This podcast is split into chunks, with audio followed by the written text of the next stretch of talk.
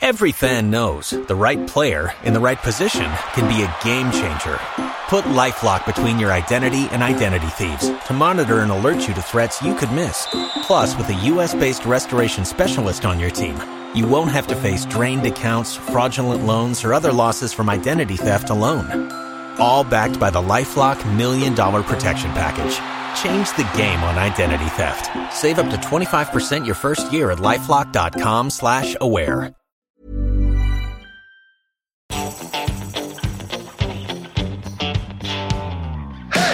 Jegerpodden, en podkast av og for jegere.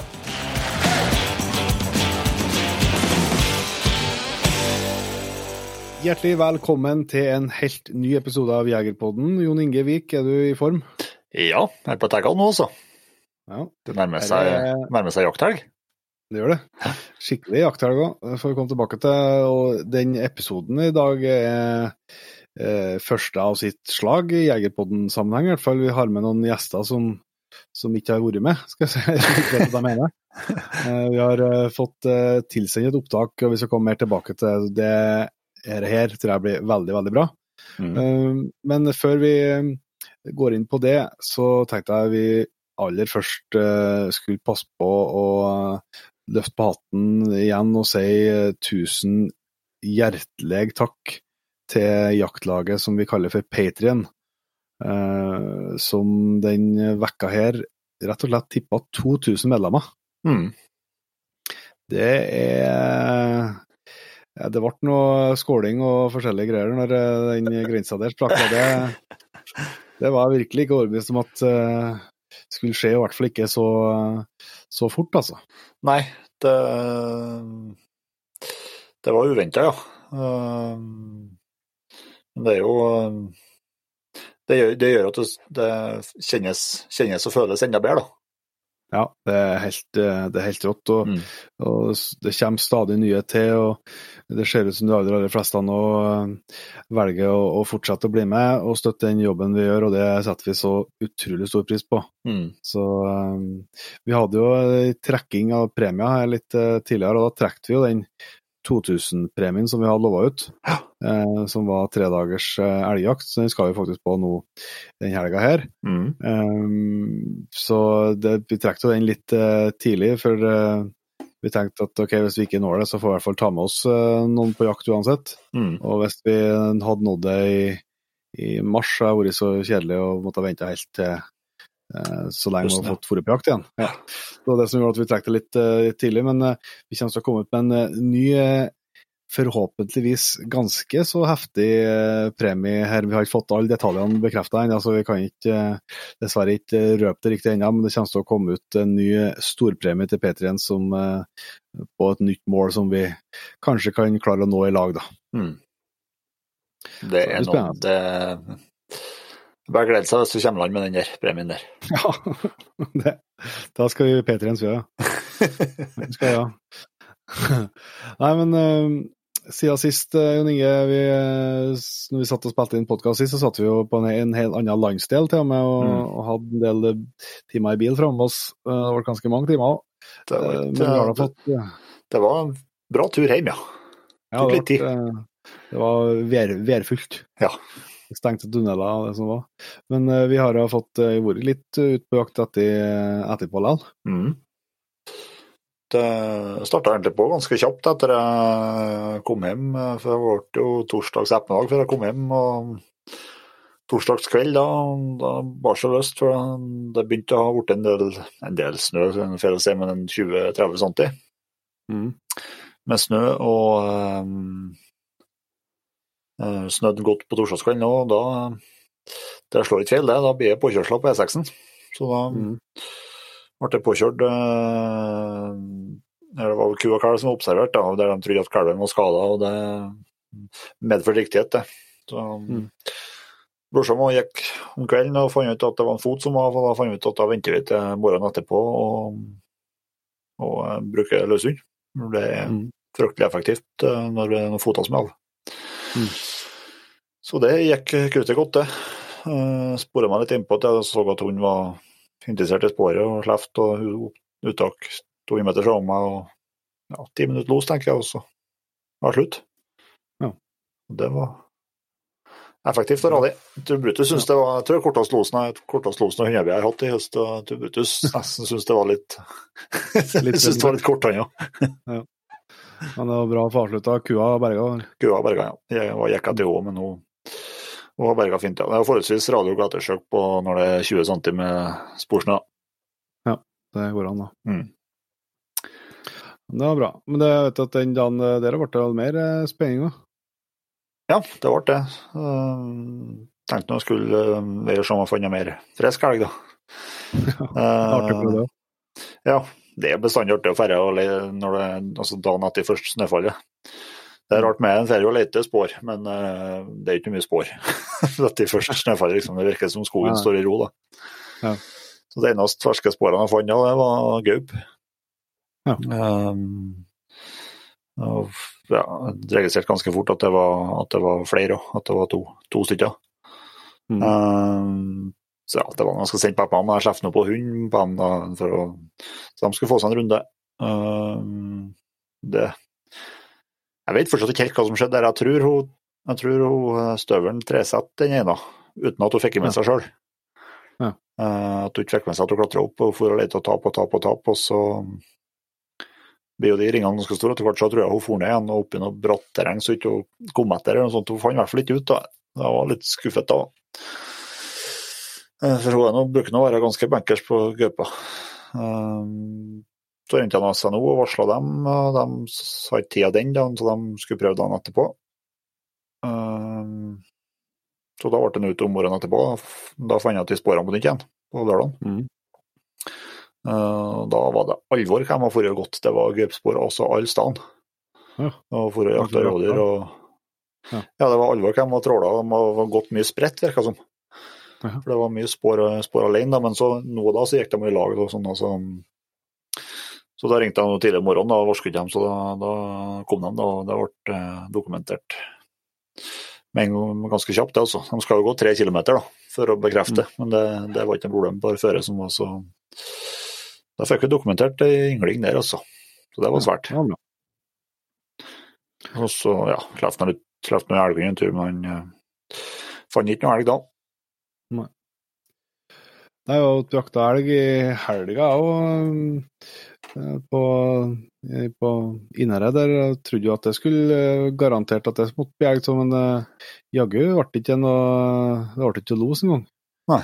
jeg Tinka først. Eh, leta og leta og leta. Jeg tror hun holdt på i over to mil. Jeg var litt eh, Ja, hun får nå gjorde seg veldig fine runder, og, men ble aldri noe uttak. Så til slutt så kobla vi henne og for en annen plass med Meiko. Mm. Eh, Så gjorde han en kjemperunde.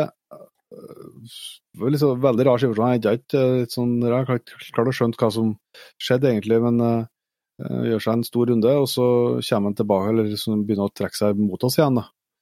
Uh, når han har igjen et, ja, 300-400 meter tilbake til oss, så, så får vi se en elg som, uh, som springer over i myr et par hundre meter fram oss.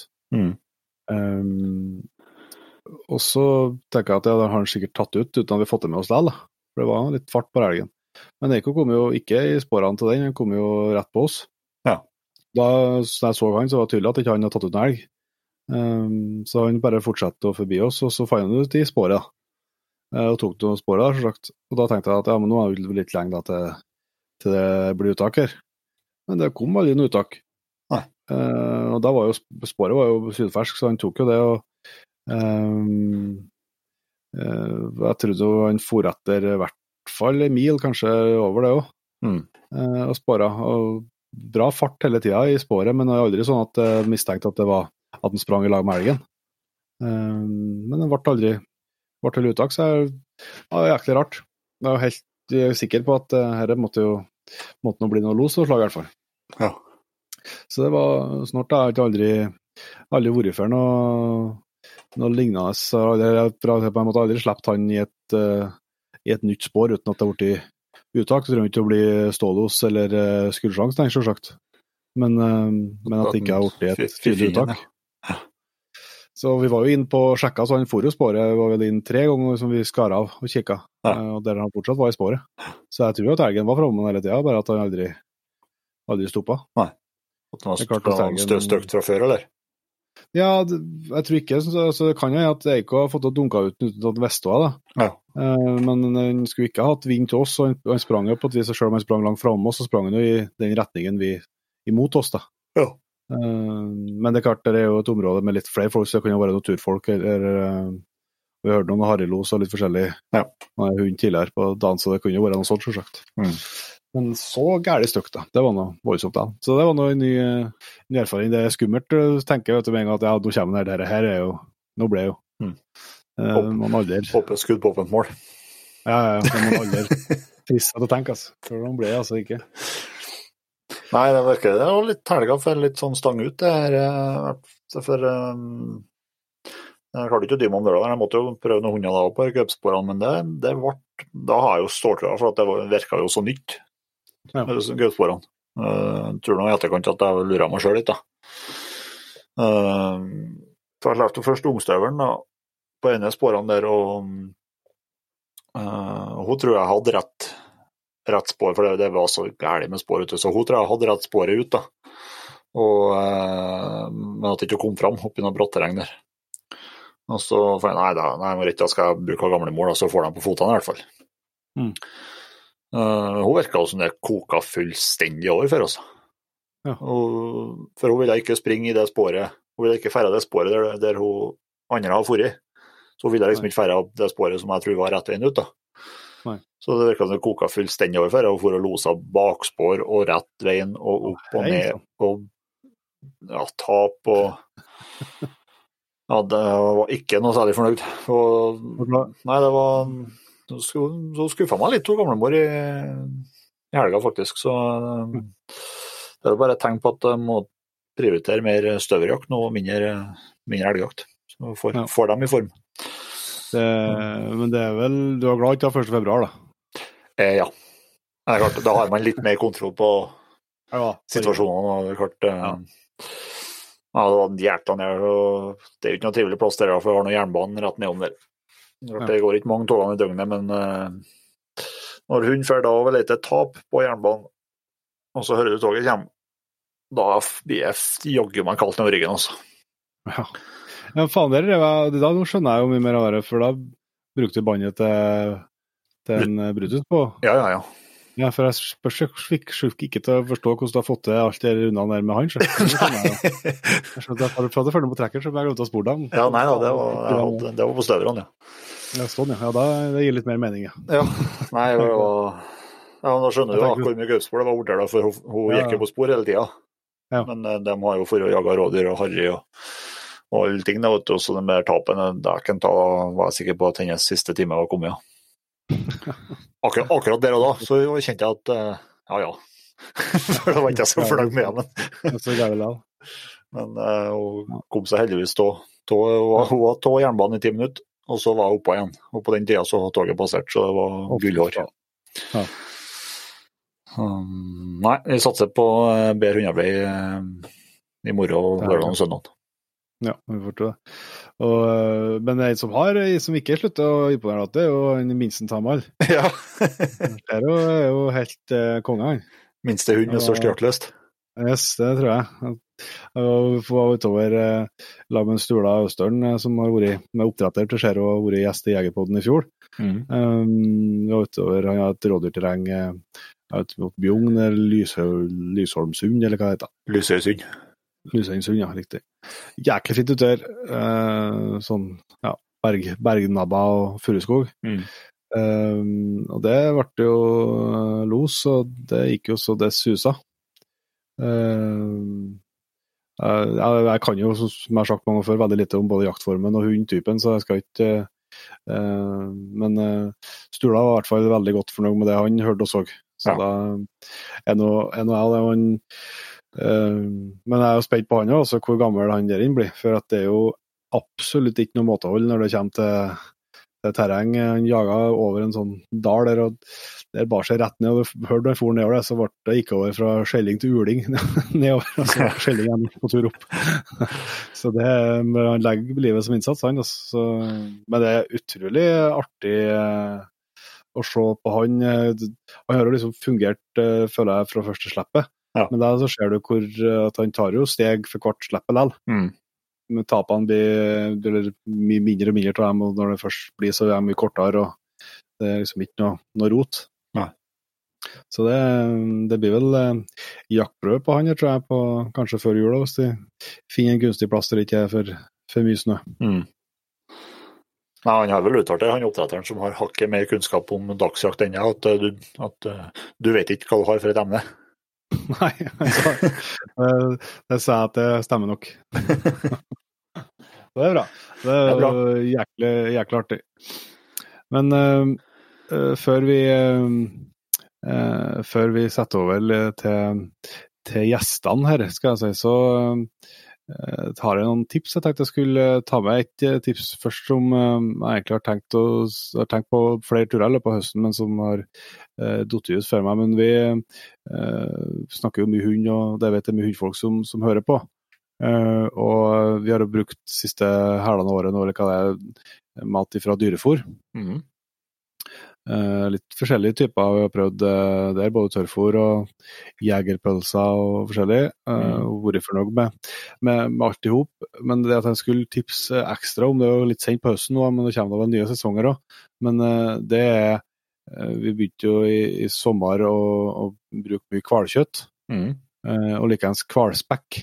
Yes. Eh, og den uh, miksen der, altså, det må jeg si at uh, du setter jo til litt eh, Det er jo ikke vitaminisert, det der, altså vi har jo sånn pulver du setter, Mm. men, eh, men eh, den miksen der, og spesielt det spekket, det har bedre vært bra, altså. Ja, det, det er klart eh, jakthundene nå som brukes brukes eh, jevnt og trutt og ganske mye. Det, det skal til litt for å klare å holde dem i, i bra shape. Yes. Eh, Det- Og det, det vil jeg tro det er ganske ja, Jeg vet at det er flere som plages liksom med å holde hundene i, i, i bra, bra kondisjon, eller i bra Mm. At de har at de ikke blir magre da, når de blir brukt så mye. Mm. Men det tror jeg ikke det spekket har eh, sett å sett. Altså. Ja, det er ikke det jeg har blitt steikflue bare. Det har du aldri jakta så mye med hundene som i høst. Nei. Eh, og de har ikke vært, ikke vært borti mager noen gang. Mm. Eh, og det tror jeg er eh, spekket. Det er klart at det er sånn 200 grams-pakker uh, med rent spekk. Det er klart at det, det er for de helsinga. det, Altså. Du skal sikkert være litt forsiktig med det, så ikke fôret for mye av det. Kan jeg sikkert Mm. mm. bekke over at de blir dårlige i magen, men uh, vent nå på dem det gradvis. Og sånn 200 grams-pakke Eller de får mer enn en 200 grams-pakke i løpet av en dag, da. men ikke, Mm. jeg ikke gitt dem mer enn det i, én en smell. Og det har i hvert fall eh, gått uh, veldig veldig bra. De syns jo selvsagt det er stygggodt. Og når du, sånn når du jeg har brukt det hele høsten og jeg har jeg liggende i, i bilen, så når jeg, enten at jeg får til dem så at jeg skal slippe på en ny plass, og ikke fått til noe, så får de en sånn en, eller så når jeg, dagen er ferdig, så med en gang jeg får til dem, så får de en sånn en på med bilen der. Mm. Uh, og det ja, det har jeg et stortrua på. Altså. Ja, altså radio, for det er jo 200 som er, som er vakuum, vakuumpakker. Ja. Så det er jo, det er jo radio å ha med seg.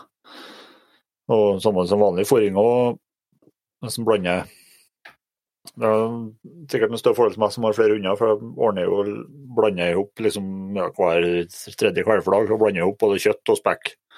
Og så har jeg også krydder med litt tørrfôr og, og det pulveret. da. Ehm, for, å, for å gi dem en god, god miks av alt. da. Mm. Det, det er ganske Og det er litt interessant å drive og, prøve seg litt fram. Hva som, Mm. hva som funker, funker bra og ikke. Ja. Um, Og selvsagt, eh, som ellers med ferskfôr og kjøtt, så blir jo Jeg syns i hvert fall at se at de blir veldig fine i pelsen av Mm. og, og lite, lite skit i hundegården og, og, og sånn, så, så det er i hvert fall en klar anbefaling herfra. Nå kommer de med Vi skal prøve nå med et, eh, et fullfôr, da. Ja. På hval, eller hvalkjøtt og hvalspekk som er vitaminisert og sånn som sånn at du ikke, ikke trenger å drive og blande og sånn, skal jeg si. Eh, Så, så det, det skal vi skal vi prøve noe framover, da. Det blir sikkert eh, like, like bra. De har veldig trua på å ha i hvert fall tilgang til ekstra spekket altså. mm, Eh, i perioder de brukes, brukes hardt. Og det var jo når vi prata med en gamster i, i vår, så snakka vi om det. Altså, når du får igjen spekk og rent fett, så omdanner de jo det til, til væske òg. mm. Så jeg brukte å gi dem det på, på morgenen, og det, så det er jo sikkert en, en bonus, da. Mm. Ulempen jeg ser med det er at det er fryktelig kl- klissete å holde på med. Ja, det er klart at det, det er jo spekk. Og så lukter det fiskekart og fingrene. Ja, det, det tror jeg ikke var tror ikke var det dummeste. Nei da. Nei, jeg syns det funker bra. Jeg, jeg, kan jeg, si, er jeg, er mer, jeg er mer fornøyd med, med å bruke um, kålkjøtt og kålspekk enn jeg har vært av f.eks. Uh, laks tidligere. Ja. Det, jeg syns det funker bedre med, med, med kål. Ja. Nei, klart altså, selvsagt det er litt mer eh, Du må ha det i fryser, og det er litt mer styr med selvsagt enn en, enn en tørrfòrsekk. Mm. Uh, men uh, jeg har i hvert fall opplevd at det jeg gir mye dem litt tørrfòr, så, så jeg syns det er bra å kunne ha den muligheten. Mm. Men uh, eh, jeg syns i hvert fall å se på, på våre hunder at eh, fordelen med å, å gi dem den type mat som dere er så stor at den, den ekstra jobben skal jeg si som det syns jeg er, er vel verdt det. Mm. Og så må vi påpeke at vi er ikke noe, nå er ikke vi noen hundeernæringseksperter, eh, så, så det er bare våre meninger. Eh, det- Så si så jeg, jeg, jeg påstår det at det så er opp til andre å finne ut når jeg tar feil.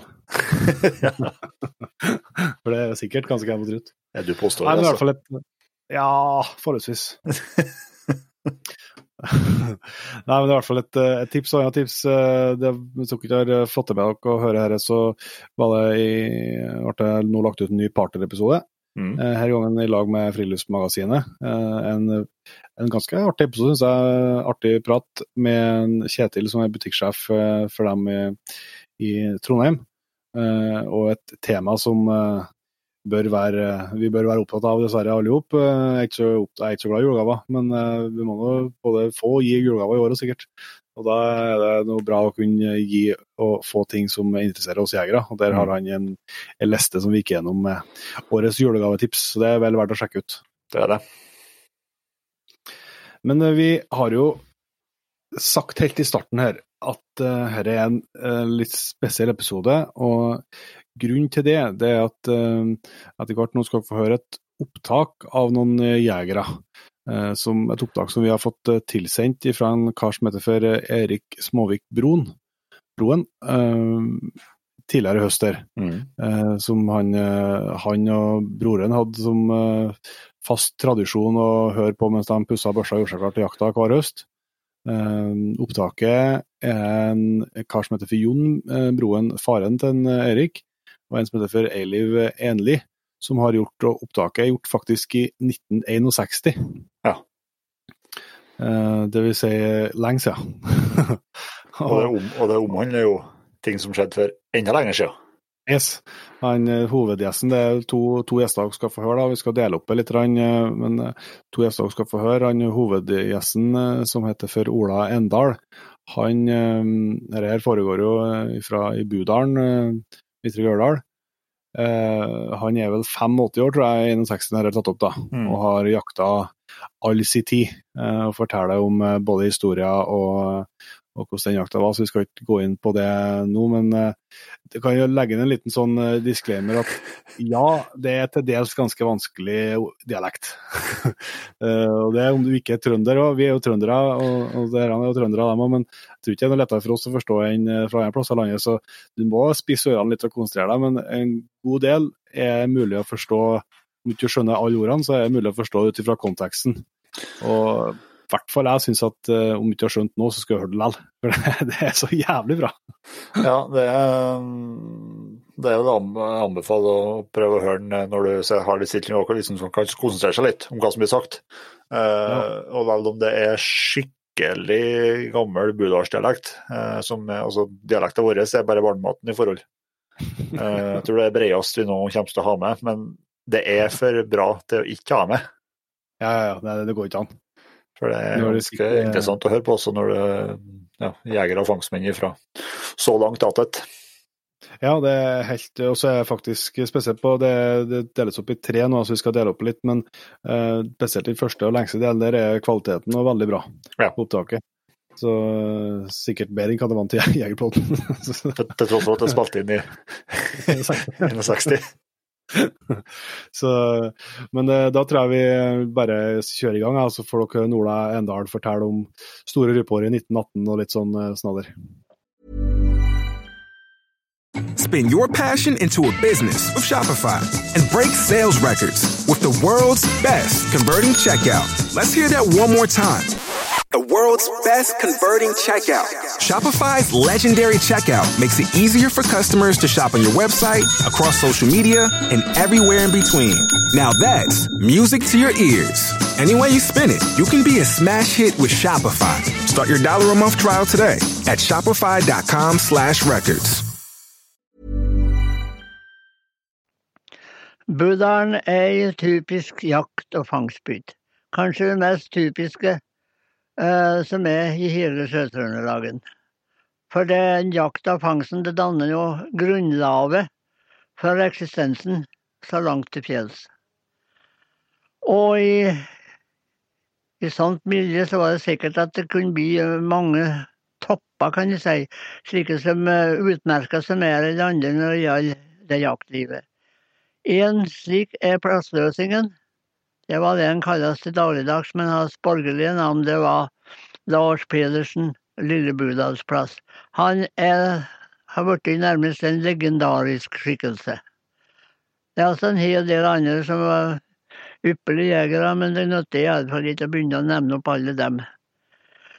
Men uh, det er iallfall tre som vi vil nevne. De uh, ikke bare jegere, men det var mer viltbiologer de kjente. Vilte svaner og baner, slik at uh, det var ikke som gikk dem forbi når de var i terrenget. Og det var Bert Sven Bjerkli, Per P. Bjerkenås og Ole A. Endal. Nå lever det bare én av dem, og det er en Endal. Og vi kaller han i daglig tale bare for Bjørnholin. Og Dagfinn Fjellstøy og jeg med beslutta det at vi skulle besøke en Wallin og få han til å fortelle hvert fra sine eh, fra livet i skog og mark. Nå var vi slett ikke sikre på om det ville lykkes, det der. Så det var noe ikke sikkert han var i humør eller lune for å fortelle, men det gikk forbausende bra. Nå var det slik at det, det var enkle saker som jeg bruker for å ta opptaket. Men det, dessverre det ble ødelagt en del av det bandet med, opp, med to opp. Og nå har vi kommet så langt ut i bandet at vi kom til hundjakten. Og han fikk noen spørsmål her om hvordan en driver med hundejakt. Han, Bjørn Ollin han var 85 år da opptaket ble gjort, i 1962. En meget åndsfrisk herremann etter alderen, og han fortalte og skildret det som hadde foregått seg av den husa. Og det var mye, det. Så det var en fryd. Jeg kunne jeg liksom begynne som meg såpass var jeger. Liksom aldeles bjanken. Nei, jeg jo ikke.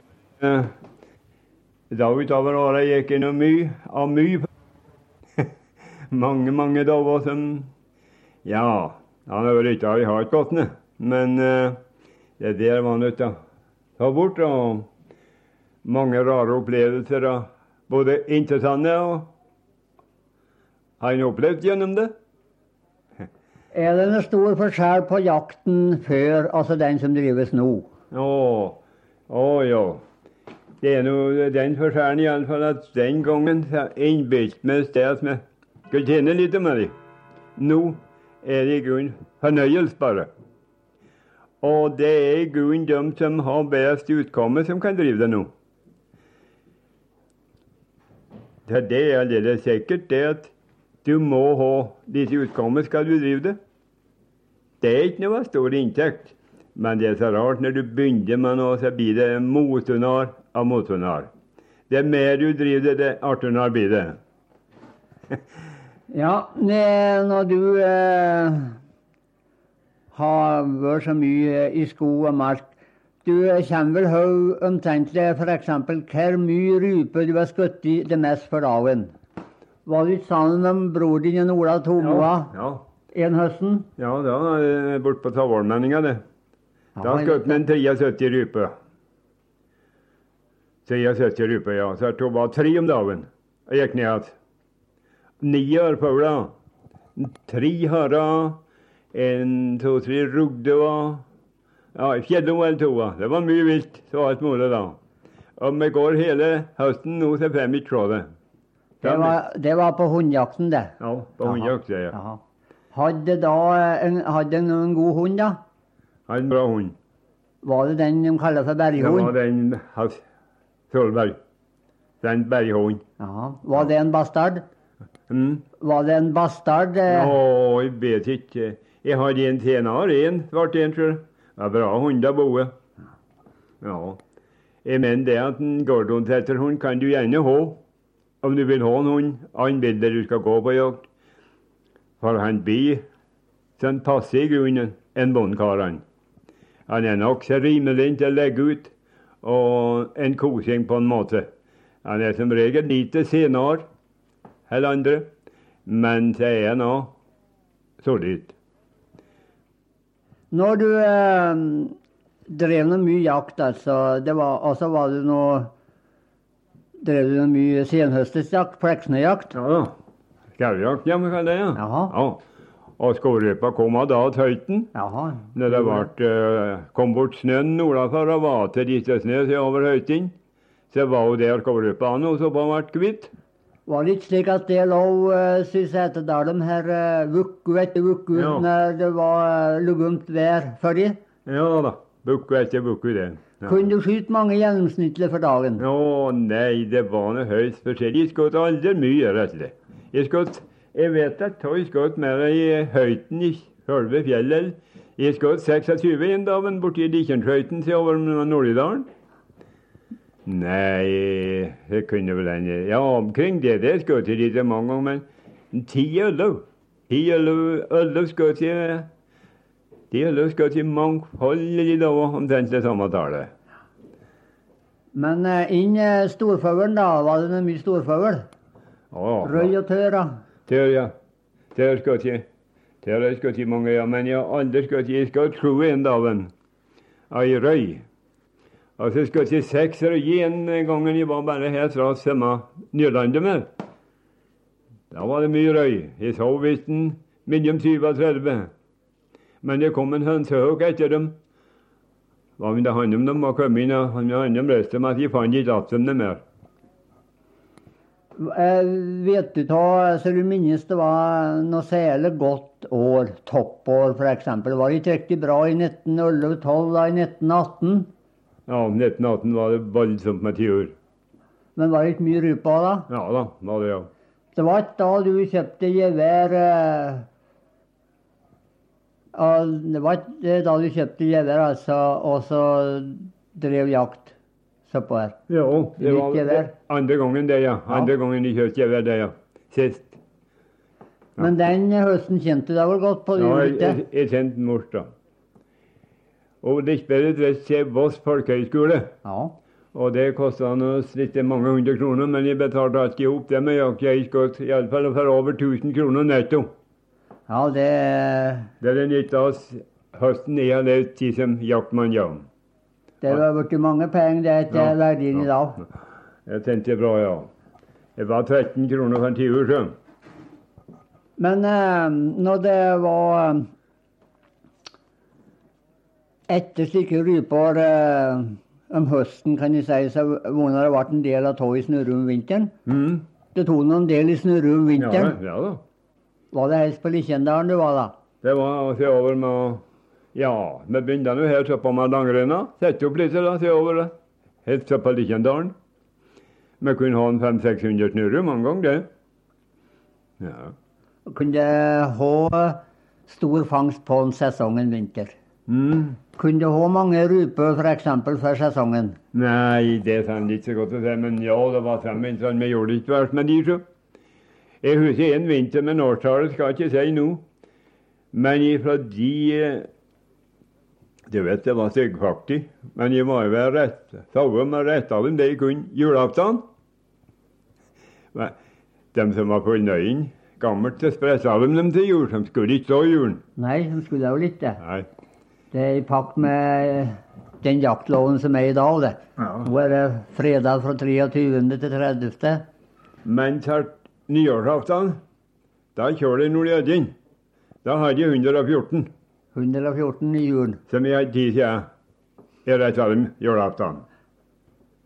Det var noe rypete for de om eh, jakthøsten, ja. Hvordan var de våpnene som de hadde før, da, sammenlignet med nå? Hæ? Hvordan var de våpnene, haglgeværene, altså, dem de hadde før, sammenlignet med nå? Våpnene, men du? Ja. Nå, det var ikke aldeles dårlig da når vi kjøpte når jeg kjøpte en Hagensport, jeg var i skammende gild borte. At det ikke skulle ha vært bare, det skulle aldri vært lov å bruke hurtigskytende våpen. Jeg farte marturen en gang oppover fra Hievallet, men oppå sjøen. Han skjøt fem skudd, han skjøt fem ryper. Skulle ikke ha vært lov å bruke mer to løp. Du som har drevet så mye jakt, du har noen forskjellige opplevelser. F.eks. du har vært borti litt styggvær, Ja, og livet nærmest Bare- kanskje har stått på spill. bare det med å gjøre om jeg kom ned igjen. Ja. Ja, det som det liksom aldeles har vært på Jeg kan gjerne si at sjansen har vært liten før jeg kunne truffet folk med. Det to ganger, ja. Det, det kunne vært moro å ha hørt. Ja. Du må fortelle oss litt om det. Ja, det var en gang jeg tatt utover en berghammer i Nord-Idala. Det var noe trist. Altså. Det var så stygt vær kom, jeg sov ikke noe. Altså, men jeg kom nedpå ganske på ei bra røm. Ganske nede attmed berg på boe siden. Der lå. Og ett av skyene drev om midt på en fota. Jeg traff meg i ansiktet, så slo, så slo sønnen min litt brettet, da, den enden som kom opp der det gikk òg. Men uh, jeg, retta opp altså. Jeg får da eh, etter rev, så. Og så har jeg forskjellige slag i sekka. Spiker, herstrå. Så la jeg til i skit og fremdeles på de som til det brettet. Så slo jeg inn en spiker på hvor leia bruker herstrå over som potle. I renten av nordlig Setesdalnett. Jeg vet ikke rent ikke hjem igjen, nei. Så jeg sa dem nede at de skulle ikke bli redd for meg om jeg ikke kom igjen. Jeg rente på de fremdeles, da, liksom. Nå ble det ned. Og, nei. Eh, været var vinter da nytte. Hadde isen nytte seg inn i kom når man blåser bekka, så. Ja, så var det en gang jeg var sydd. Da var det, det var sykt vær, ja, da jeg var oppe inn. Førte så til en Haldo. Den var Når vi kjørte så med blåkjønna, så sa, sa han det at han ville renne på østsida at Nordkjøen, der hadde han i- i. Og jeg måtte se over på vestsida av Nordkjøen og innom Nordidalen etterpå. Den som først kommer nord i den skårdalen med Nordkjønna, og blir der man hefter hefte den med vi Og været ble stygt. Ja. når jeg kom dit, så sa vi en hadde vært der. Men den var borte. Det sendte spor etter dem der. Den hadde ikke tørsa. Men jeg kom når med var Blåbekka. Der satt den i berghull. Ikke langt nede av kjønna der, der er liksom berga. Der satt han bortunder han. Jeg måtte vente her og se om det kom, sånn. Det vonde med penis i her og vest, satte med legga til over, sånn. Ja, og da var han ikke høy på ryggen, heller, nei, var like vis på om vi var gode til ham. Men det gikk nå bra, da? Det gikk bra. Men hva? Hadde ikke ordentlig, men da var det Ja. Men den gangen da jeg kom ned igjen med Søstervoll, den første gangen jeg så henne i bjørkbusket ifra de jeg forlata det jeg hadde svinga, da var jeg glad, ja. For jeg var sikker på de at da var jeg en stand der det var større sjanse for å redde seg, heller om ikke jeg skjøtte for jeg var imot Seterdalsand, da. Og det klappa det, ja. Men jeg sa ikke noe buskat på lenge, men jeg kom. Jeg kom ned av elven der, midt på hytta var omtrent imot Bergum, der jeg rent for langt sør. Så, så de munde være var voldsomt til nord nede. Jeg var ment, så skulle jeg kommet inn i hell på vestsida av Søstervolla. Men nei, jeg tar over for langt oppå, ja. Men jeg tenkte det mange ganger hadde vært så ulykkelig jeg kom enda lenger sør, så har jeg ikke kommet. Har ikke greid det, men nei. Nei, det var farlig da. Du har kommet kom utover med Finnkjønnen og sett utover Slettfjellet? Jeg har Slettfjellet. god tid på det begynte å marsje, så. Ja. Men uh, rente du hjem igjen en kveld? Nei, gjorde ikke det? det gjorde ikke det. Jeg hadde så spekulert klær til helt lenge på å finne tina opp, så jeg kunne eh, få omkring eller hoppende løs i. Kom på Søstervoll. Det var ganske en trist kveld, ja, men uh, jeg lova mest ut i skulle. Ja, jeg har ikke tid den sjansen det mer eller. Det er siste gangen som jeg tok den sjansen. det. Ja, han var før i både til, ja, men uh, det var for langt òg. For langt oppå det. Jeg vet du drev drev altså fanga kvistkattur, snøugle oppå her. Ja. ja. Var det ikke slik at du send, sendte dem til Tyskland, til Hagenbeck? Til Hagenbeck, ja. Det zoologisk gave i Tyskland. Det er Hamburg. Tyskland, ja. ja da. Jeg fikk det til flere ganger, så. Ja. Ikke noe av jeg kjente så godt med. Du har vært god betaling for det, da. Ja, da jeg fikk en 15 kroner for postsendingen, og så fikk jeg opp i de siste jeg sendte, de siste fikk jeg 35. Først ikke. Først ikke? Ja, det var bra, det. Hæ? Ja, det var fin betaling. Ja, det. var fin betaling, det. Ja. Ja, var det. Men hvordan du fanga den? Ja, det var nå på høyst forskjellige måter. Noe skjøt jeg på. Om det går av i diervåla fer til en veng, eller noe sånt, så slipper hun seg ned Det kommer lukt gjennom henne. Og de ungene som vi fikk til, de var det som regel De hadde noe mye å røye om. Han flakk bortover en fløy. De kunne fly 100 meter, de kunne fly 150 og kanskje lenger. Men når du var bare kjapt nok til å komme dit at der de hadde fløyet opp, så satte de seg på en 100 meter. Når du kom dit igjen, så fløy de opp, men da fløy de ikke ned til kanten. Fløy over meter bare. Ja, da satt de så og gapa. Hadde du ei halv angerstangpisk i hånd, og la hun nedpå, så satt de og gapa til du så dem. De gjorde ikke noe forsøk å fly noe mer. Men det var ikke noe farlig inni håndtere, så de eh, Nei, når du passer føttene til, jo ikke Ja. og Det må sitte så høyt med kjeften. Nebbet er vel ikke farlig? Men makrellen kan de sette gjennom seg så. Ja. Bøsa vannmørksøya mi som gang utover dem, men det var gjennomkommet gjennom trøya, seg så. Føttene, kløn. Ja.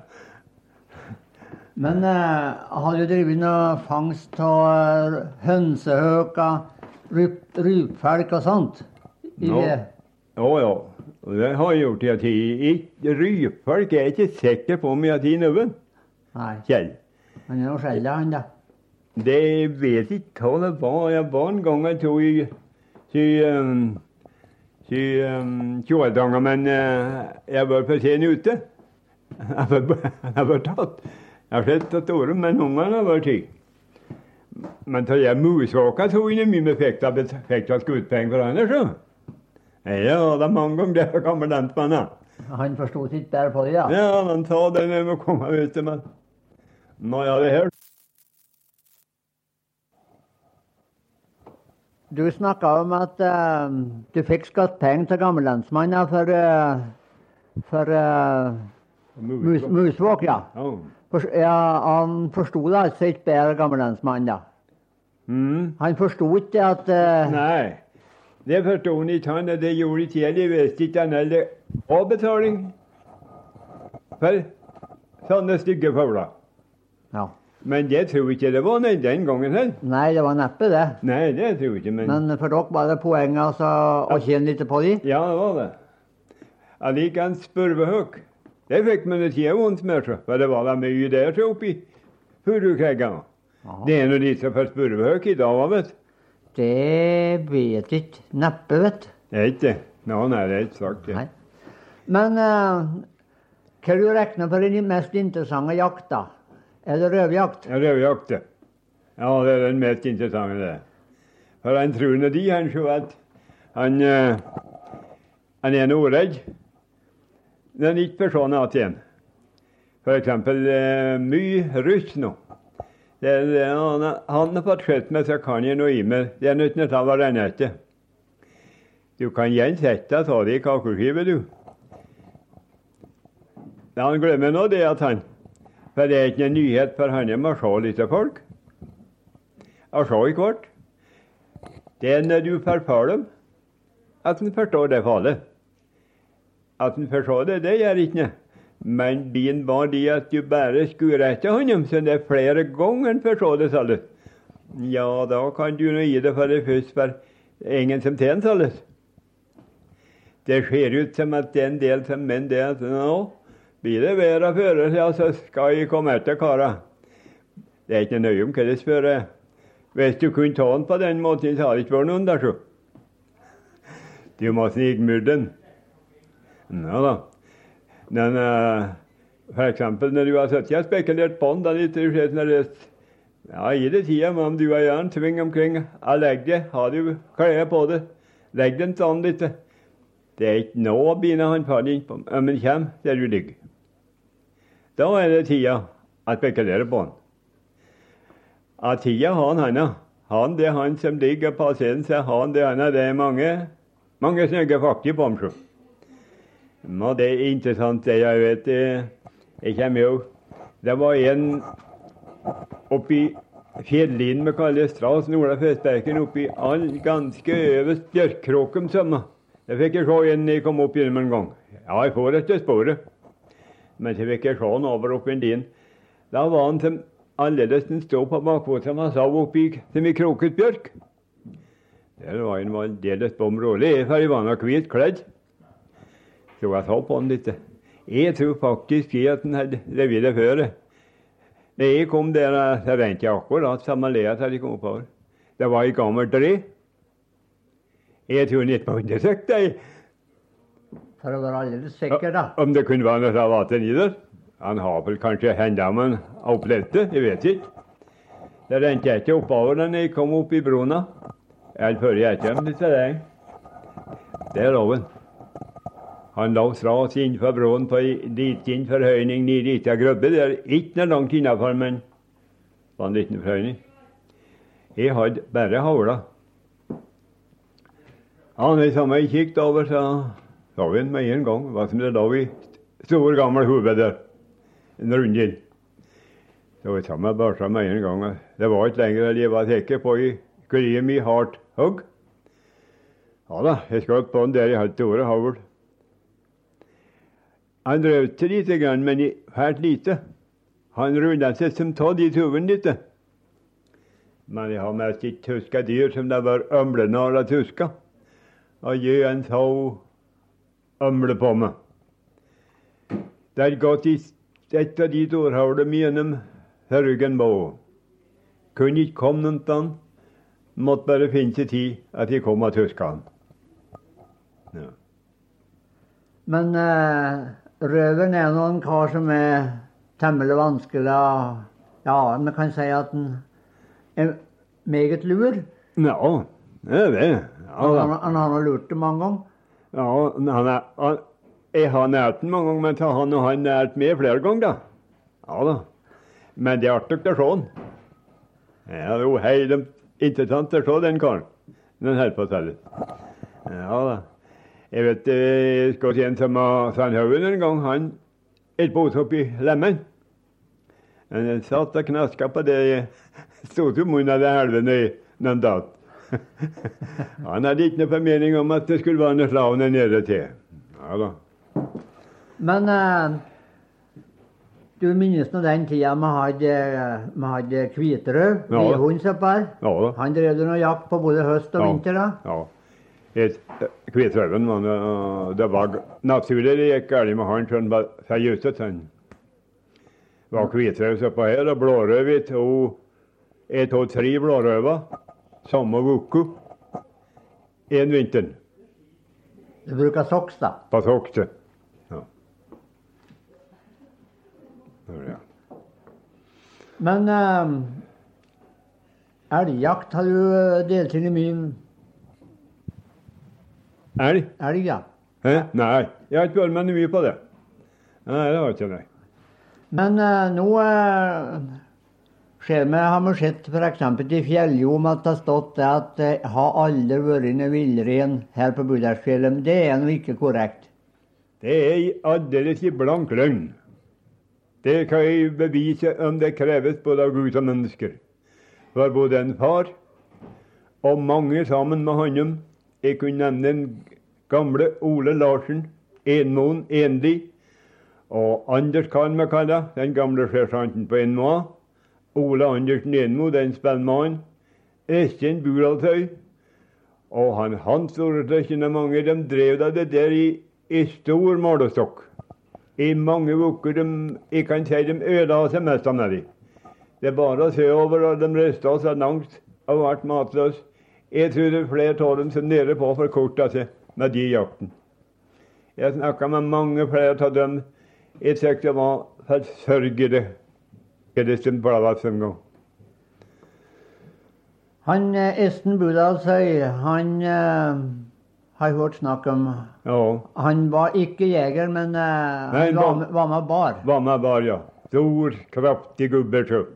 Ja, det rangbenda huva flere ganger, for da ble ble så veldig svett. Hun ble våt, da. Eh? Og ble våt huva, da. Ja, altså. ble hun. Ble så bløt, så. Ja. Rangbenda hun. Vi begynner å ta på andre sida av tida. Ja da. Ja. Du, eh, ja, du minnes, minnes altså ikke villrein her, du personlig. Mm? Du minnes ikke eh, villrein oppå her. Det kan jeg ikke si. Jeg kunne hende jeg kunne, men det skulle tid etter de, kanskje. Men jeg ba For liten tid var alle menn på jakt. Men en far Han far var med meg mange ganger, ja. Ja da. Har du hørt snakk om eh, noe, eh, om noe bjørn oppi her, da? Bjørnjakt og sånt? Det er fælt lite. En Ole Larsen, vi kan da. Ole Larsen Togo? Togo. Han skjøt ned en i Buhong, da. Sammen med Per Øyen. Per Nils Øyen. De så en hit på Ot. Ni regna blåbær og krekling, så skulle de opp i byen, men kom opp og, la seg. Så la de og så på han, da leing, sa han. Ja, da de så på, han var imot skjønning, så kom han opp. Der la han seg. Ja, de lå og så på han, da de var i mål med ham. Men du vet, de var ikke nede folk, de, når de lå i Buhong. Han Ole Larsen som skjøt. Men han var trolig ja, han traff godt. Men en trodde de sa han at hadde de ikke vært såpass løst de kunne få seg om skinnet, må de så lytte, så hadde de sett livet til det ble bløtsnø på annen halv om natta. De, eh, De fikk ta om skinnet og narra seg inni. ja, det var vel gikk da på livet løst, gjorde de ikke det? Mm. Ja, de gikk på livet løst datter. Aldeles. Bare på halen der, ja. Bu- eh, har, det var ikke den gangen en Ole Larsen Togo var i byen og avhandla det skinnet? Ja da. Ja, det var til han om det. Jaha. Ja. Hvordan eh, Per Nils Øyen og Ole Larsen var vinnerfelt, vet du. Ja, Ja. ja hvordan det gikk for seg, Det det? gikk ikke noe rett til det. Og ærlig. Og var nå mor hans. Per Nils Øyen nå, da. Ja. Venta de skulle komme igjen. Meg i kvartiet. De hadde nå ikke lortet Hva jeg trodde på han de kom igjen, og ikke så de kunne kjøpe seg en kopp kaffe igjen, nei. Det var det så de hadde drukket opp hver øre. De hadde ikke hatt det nå de kom hjem igjen. Det var ikke den gangen en Ole Larsen Togo um, våkna opp igjen etter rusen oppe på domkirkegården. Ja, det var vel det, vet du. Ja, vi tror mest hun sa det var det. Hun sa sjelden om det, men hun, var ganske litt tungsint over det, ja. Var han ikke borte hatten igjen, Ole Larsen? Mm. Ja, var han ikke borte hatten at Ole Larsen Togo? Ja, ja, han, ja. Han påstod presten den tiden. ja. Nei, det gikk ikke ned det, nei. Det var rett av dem har ikke er tinne. Nei, Bjørn, ja, det var nå en som var i hop med svigermora, da. Det var brua. Ja, jeg vet det. Det er for ingen som har bekrone mer. Nei. Har du noen eh, Kan du nevne noen eh, virkelig som har vært en svær, en svære jegere oppi her? Gode skyttere? på jakten? Ja, svære jegere Oh. som du har vært eh, sammen med. Noen, noen som har utmerka seg altså på et eller annet vis. Det var, det var Han var på den seg. De dømte at det var litt dårlig jeger, f.eks. en Andersen Joe. Stor ferdighet til å skyte i flukten, Men hadde ikke noe sinne til å holde på med dine lenger. Men en Jon han var god å skyte. Ja, Jonna var god til å skyte. Ja, han var gode skyttere. Ja. Men av de gamle, Ja, f.eks. så en Lars Larsen ja, Moen. mm, det var som en gammel hund, det. Eh, Jeg har hørt snakk om at han hadde Ja. det rette lav og instinkt. A akkurat som det skulle være, sa de Ja. hva det var. Du, kommer, du husker han? Minnes det han godt, det. Ja da. Den gamle skuten der, som var like gammel som meg. Ja. Han som reiste til Amerika. Ja, det vet, hele familien gjorde Ja. Mm -hmm. Men du var ikke så du var noe sammen med under jakten. Nei, det var ikke nei. Nei. nei.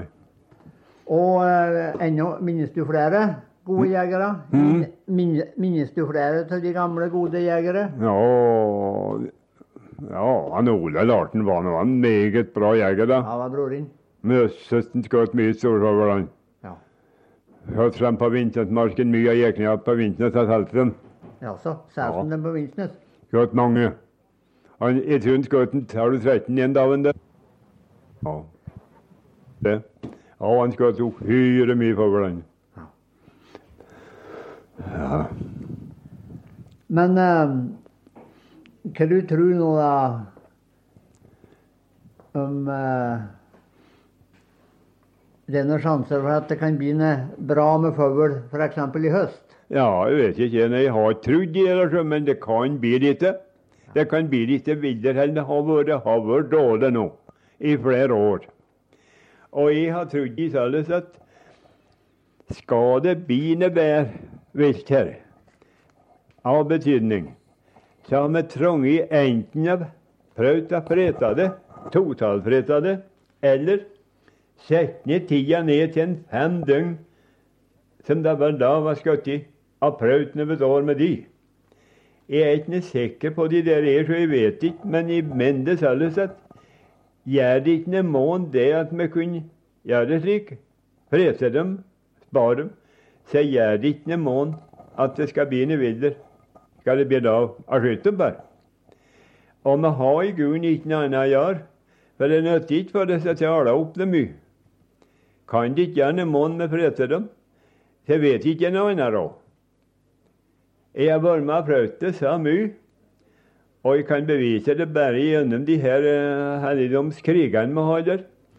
De gangene de har vært, så har det bestandig blitt lite mer. Hva som gjør det, det vet jeg heller ikke, men jeg tror det må være det som har gjort det, at det har ikke vært mange av oss som har tørt seg i vei av skuddene. Nå er eh, La det merke til gammelt da, når det var lemenår og avvåtår, om det var noe mer rype da. Ja, jeg har tøkt hele tida. Har tøkt det, så har det sett.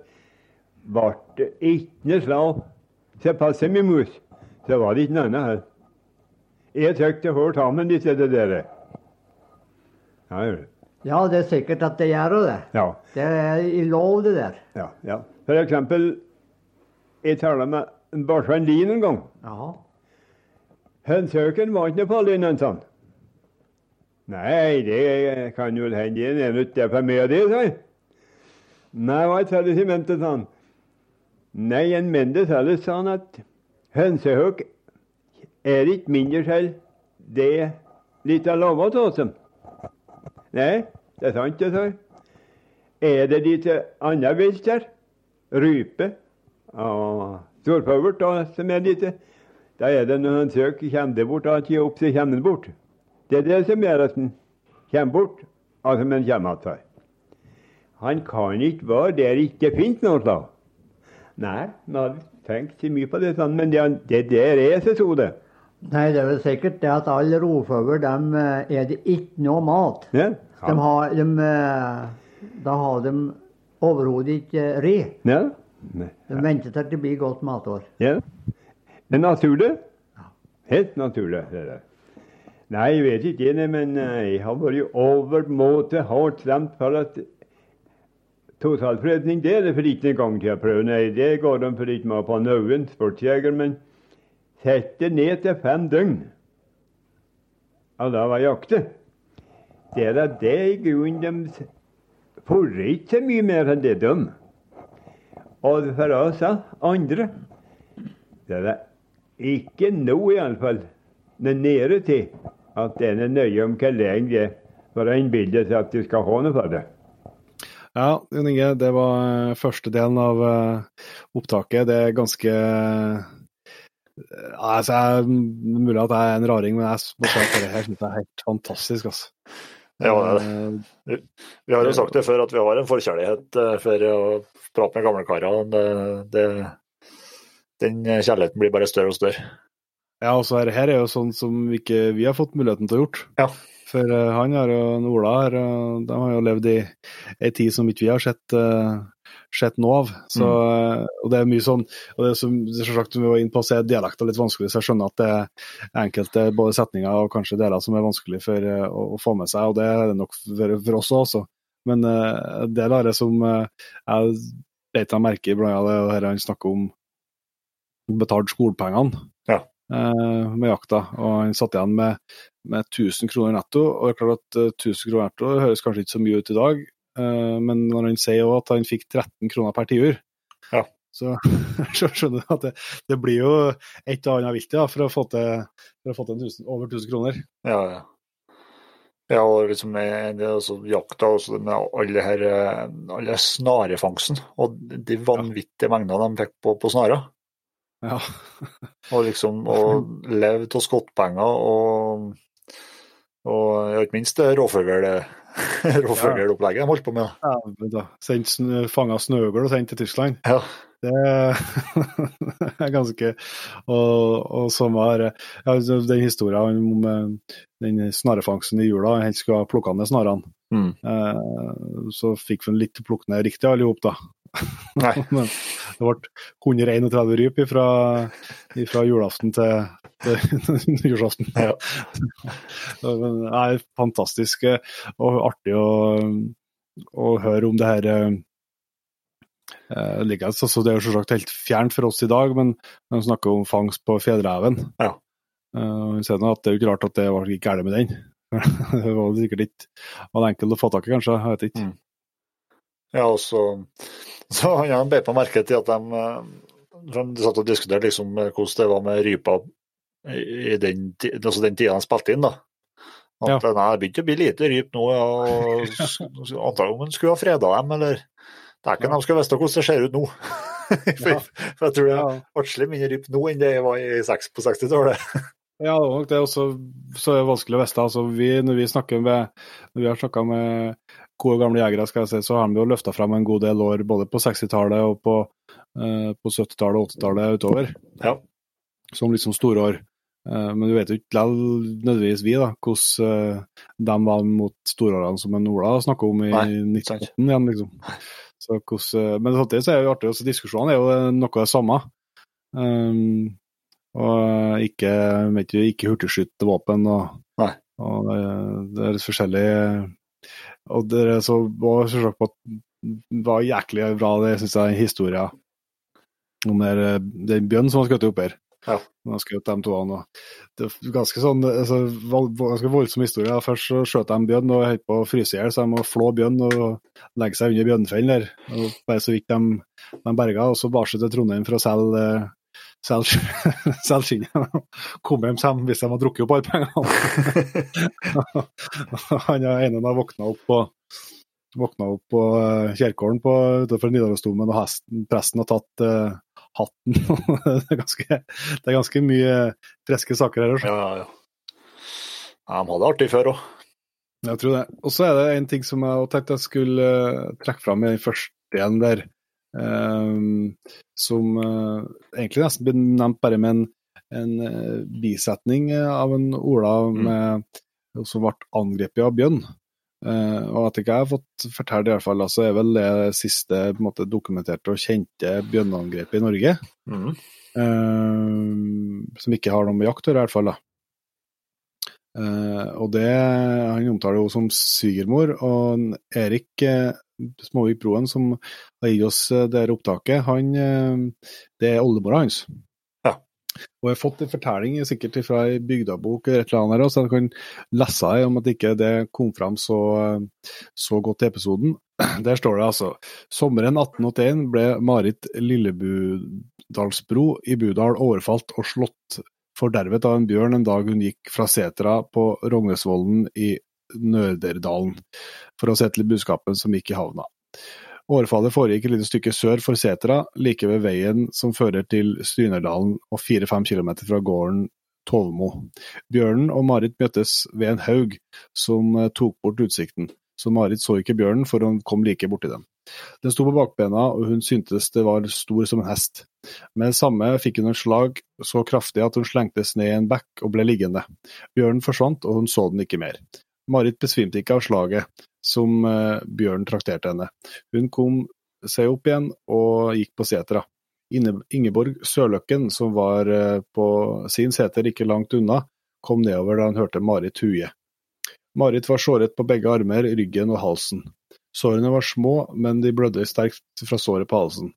Dagen efter ble hun kjørt i heim, i seng på en skranglete slede. Da man tok av henne tørkleet, datt en beinsplint fra, ut fra ermet.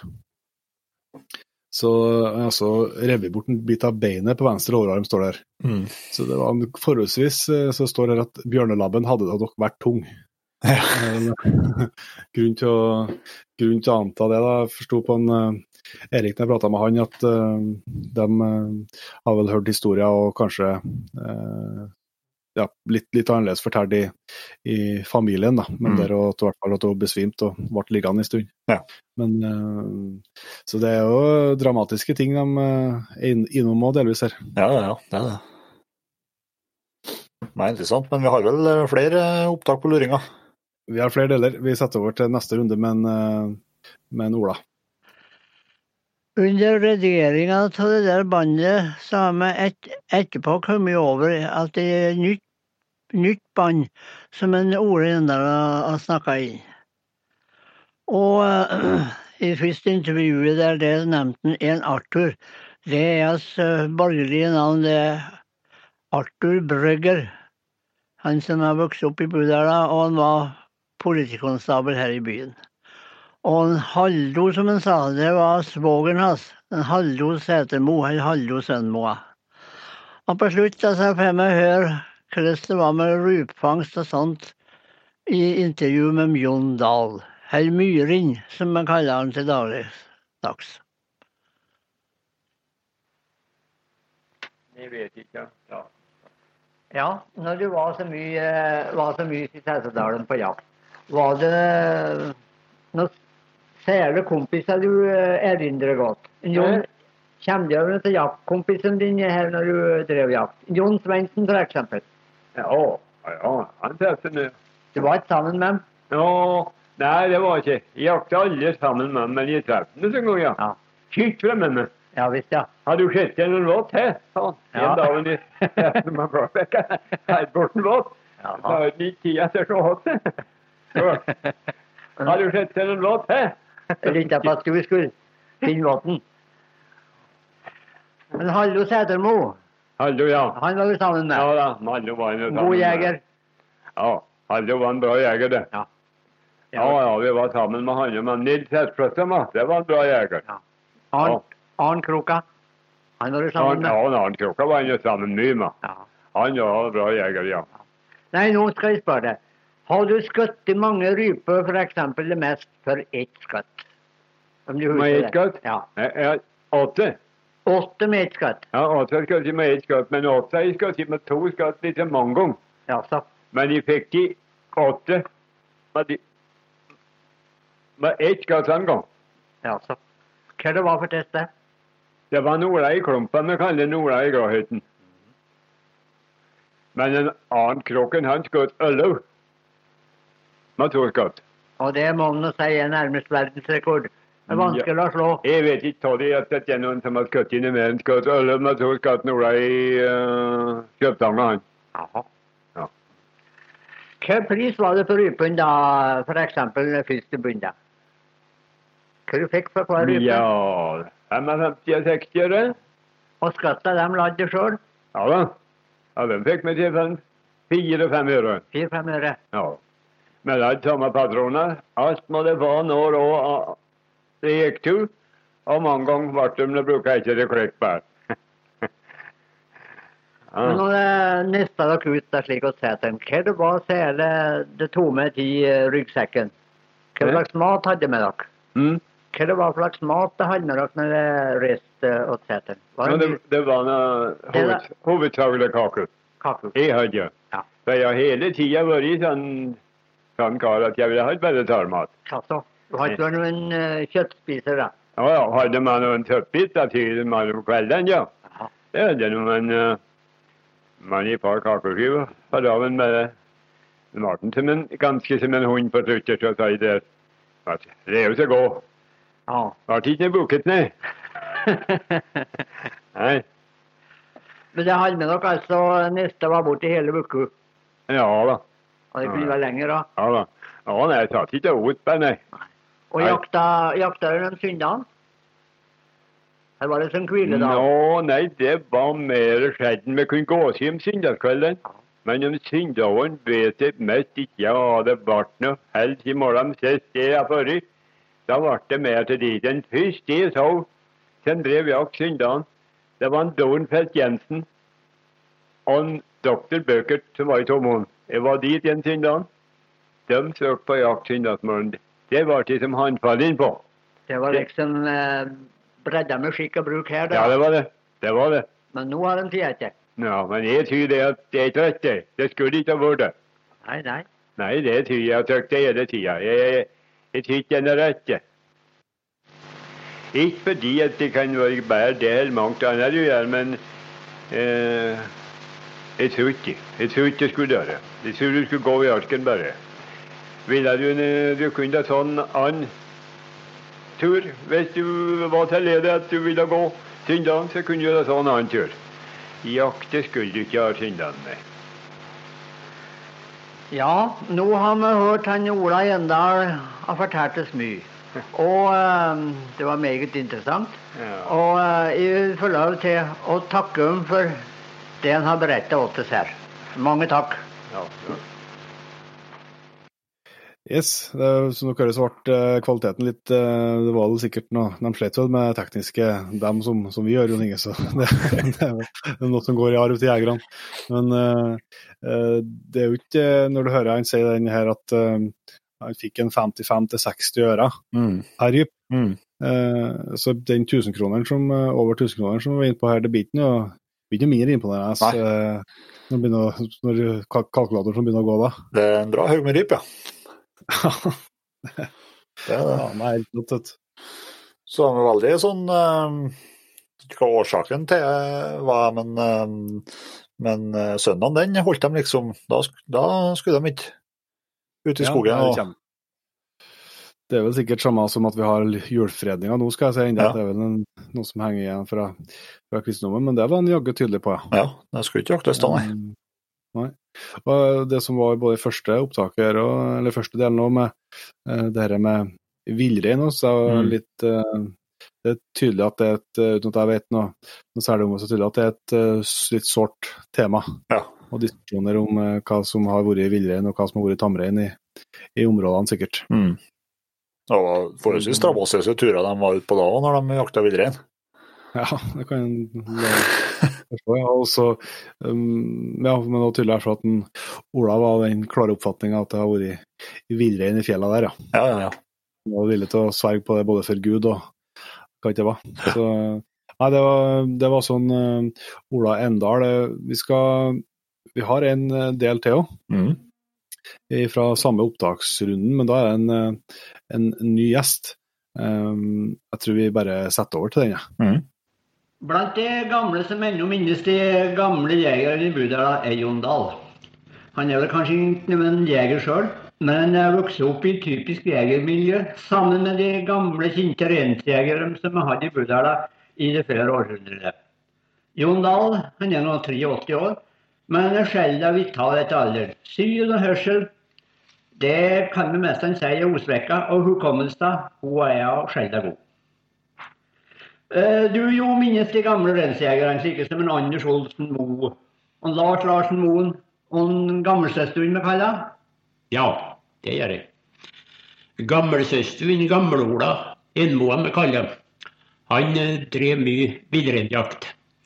Og han fortalte meg det at, eh, han fortalte det at det var, var mange ganger det var så stilt i fjæra at han ikke kunne få ut hvor trekken var fra. Så plukka de av seg hår og holdt opp i lufta for å få ikke trekken var. For å vise det at kom en i trekka for villreina, så var det hust bort med en gang. Så den gangen var det virkelig villrein. Og det er dårlig med de nå, tror jeg. For den er omtrent tam. Ja, det skal være stor forskjell på reinen som er i dag på fjellemæra mot den som var gammelt. Ja, reinen som er i Fjellemæra Norden, kan nesten ta den. Det er sånn ned dem. Men det var vel ikke den tida, det. Var litt slik at uh, villreinen den tida kan jeg si uh, danner grunnlaget for uh, ernæringen for mange her i byen. Ja, det var mange som strevde for å få til skyte villrein for å få litt mat. Deriblant eh, kan jeg fortelle om en bestefar var med i en de kaller Plassløsingen på villreinjakt. Og så skjøt de i gjeldsummel opp på Busetfjellet, oppfor Busetvollen ved Sunnerdala.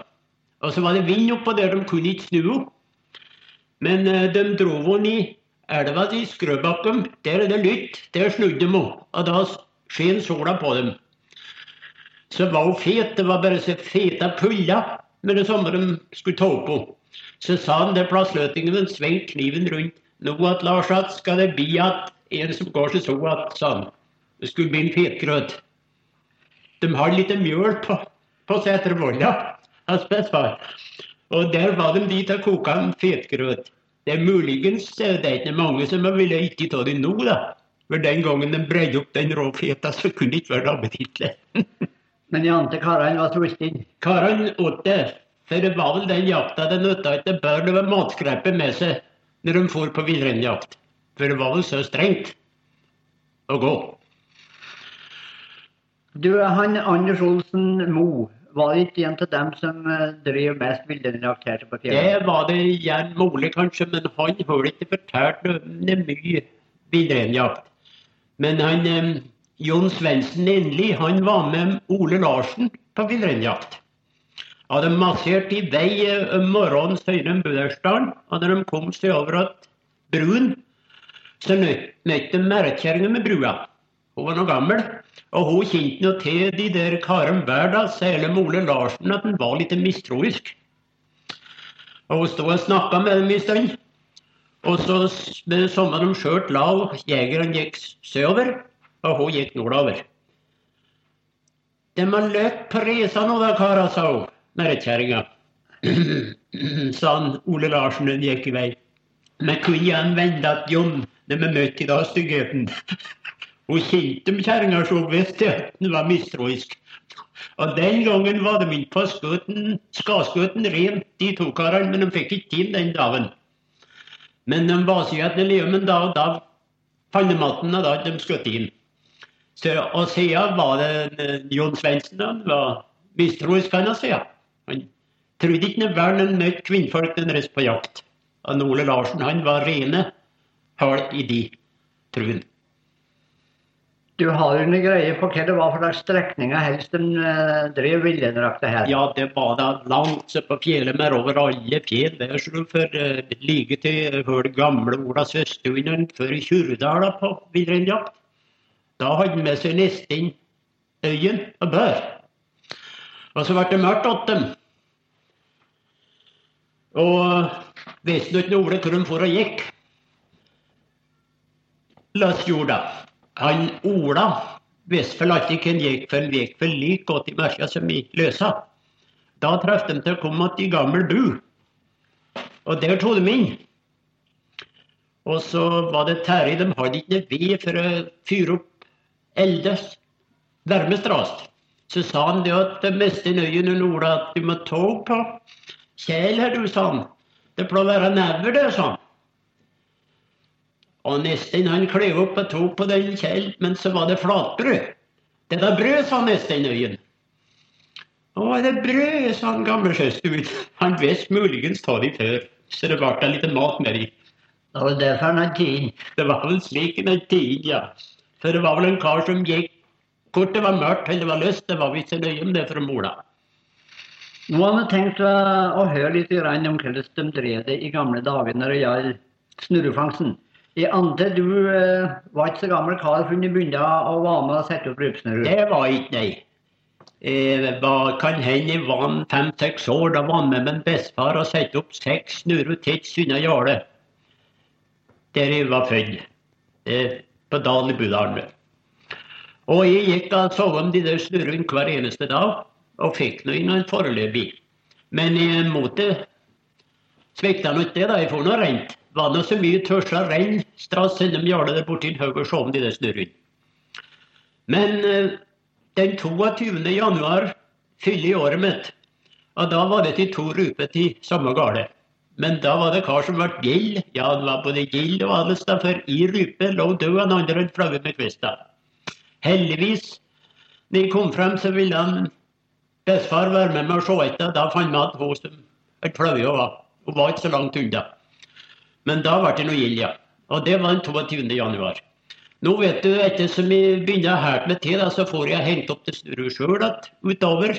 Lite videre og videre. Slik drev vi nå da tar vi noen konfirmasjonsalderen. Da tok jeg noe lenger sørover dalen og satte opp. Jeg hadde mye snurre der ute av Storevollan. Der var det nokså ideelt for å fange rype. Men det var værhardt der. Men uh, og siden så kom jeg til å være med lenger syd. Men lå sett på Hiavollum i mange vintre. Jeg og flere kamerater. Og det var nemlig en vinter med to mye rypesyder, og da var det oppstøtt lenge. Så drev man og satte opp snurru der det var noen muligheter, men det begynte å være snurru alle steder bortover. Så det var ikke så godt å finne på noen plass som det var, var røm attmed gårda. Men da tok jeg beslutningen jeg skulle se opp gjennom Blålbekkdalen. Og der er det stor bjørk oppi de øverste Blålbekkdalen fremme i bekka. Og der så vi ikke rypferd, men jeg satte opp en 50-60 snurre der. Ikke så vi rypferd da, og heller ikke uh, så vi når for å sove. Men så var jeg hjemme to-tre dager og kom seg igjen da. Da var det til rype mest til hver gale oppover fremme i bekka. Nå sier de det at rypa flytter ikke langt. Ja, det vet ikke de, men nok var det det var flyttingsrype det som var til der. For det var det brune fjære på hver eneste rype. Og var ikke øla her. Hun hadde ikke løsert her på Børsfjellet hele vinteren. Det var ganske greit. Hun hadde flytta, og kanskje langt. Men alle var nede på rype der mer. Det var nettopp den flyttingsrypa. Hun hadde sprunget hele dalen opp gjennom. Så det, alt tyder på at hun, hun flytter. Men det ville vi ikke tro på da, naturligvis. Hva bruker for slags snurre den gangen? Hadde alminnelig hestehavesnurre, eller hadde nådd til å bruke masingtråd? Sist jeg begynte, så brukte vi svart hestehavel, snudd sammen. Men så for den krykkerhandler inn fra byen, altså. Han la ut og forskaffet hvitt hestehavel. Og han kom sende hvitt fra han. Så bruker vi det, det var noe gildt. Men så ble det masingsnurre som avløste. Og det var noe ypperlig, da. Den masingsnurra. Det brukes nå, nå det, Hvis det er noen som prøver å fange rype, da, så brukes det masingtråd. Det er vel sikkert at masingtråden har mange fordeler fremfor de hestehavlsnurrene? Ja, det er det. Han er nå både bedre å reparere. Det kunne være bil med dinen, skulle være den på lås, så kunne det mange ganger hende at uh, tok til kvesten og tøyte opp, så var snurret i jorden Men den uh, måtte brukes blindinger med kalott det. Det var så en skar til snurrekvesten og sette inn en liten kvest og snu opp snurra og sette inn på blindingen som sto på begge leier slik. Så det er en stor fordel med masingtråd i den veien. Men det var kaldt, så jeg ville helst slite seg, for det var sky masingtråd. da. Var det slik eh, i gamle dager at det hadde spesielle kløfter for å henge de eh, hestehavlene rundt i? Mange som bruker kløfter, men eh, det er mange som bruker kvist. En kvist bare. Men eh, fantes kløfter da, i mørkingen, og så stelte de kveldene bar med seg på setning. Det vet du flytt betydelig, da. Og hadde sin fordel med de at det var snarere å rettere den halve kløft. Det kunne være mange ganger var for lov snurre det, så trekke den opp. Så kunne det være at det sto på å stå i åren, snurre de. Tok det mye rype da, f.eks. når det var på Helgenas på en tur? Å, jeg, jeg vet da, jeg tror nå så mye mange ganger at jeg møttes for å bære med hjem da når jeg hadde sett dem en dag eller to. Men det var jo ikke alltid det, da. Det var ikke noe vemse, det, da. Hvilken pris oppnådde for rypen den gangen? Ja, det var vel en rundt 60 øre, tror jeg. Tror ikke det var mer. Og de omsatte dem her i Budalen på Store Kompani? Ja, solgte dem her i Budalen på Store Kompani. Eh, minnes du det de kaller for Storupvinteren? Nei, den minnes ikke nei. Men jeg hørte den gamle søsteren fortelle om det. Han hadde for bar en del kløfter som det var tid til å snurre, sa han, og så ble det mørkt så han måtte sette fra seg. Han hadde ikke vunnet å sette opp alle. Så stappa han i de kløftene i snøen og mente jeg skulle ta igjen dem dagen etter. Men om morgenen kom, så hadde det kommet hit i der, altså det var bevis på det at det var mye ruper. Det var ikke for å skyte der. Kom hit til de, til de snurrene det var, var kløfta til. Ja, snurre til kløfter. Ja, det hadde kommet hit til de kløftene, altså. Hvordan var det den tida eh, når du drev?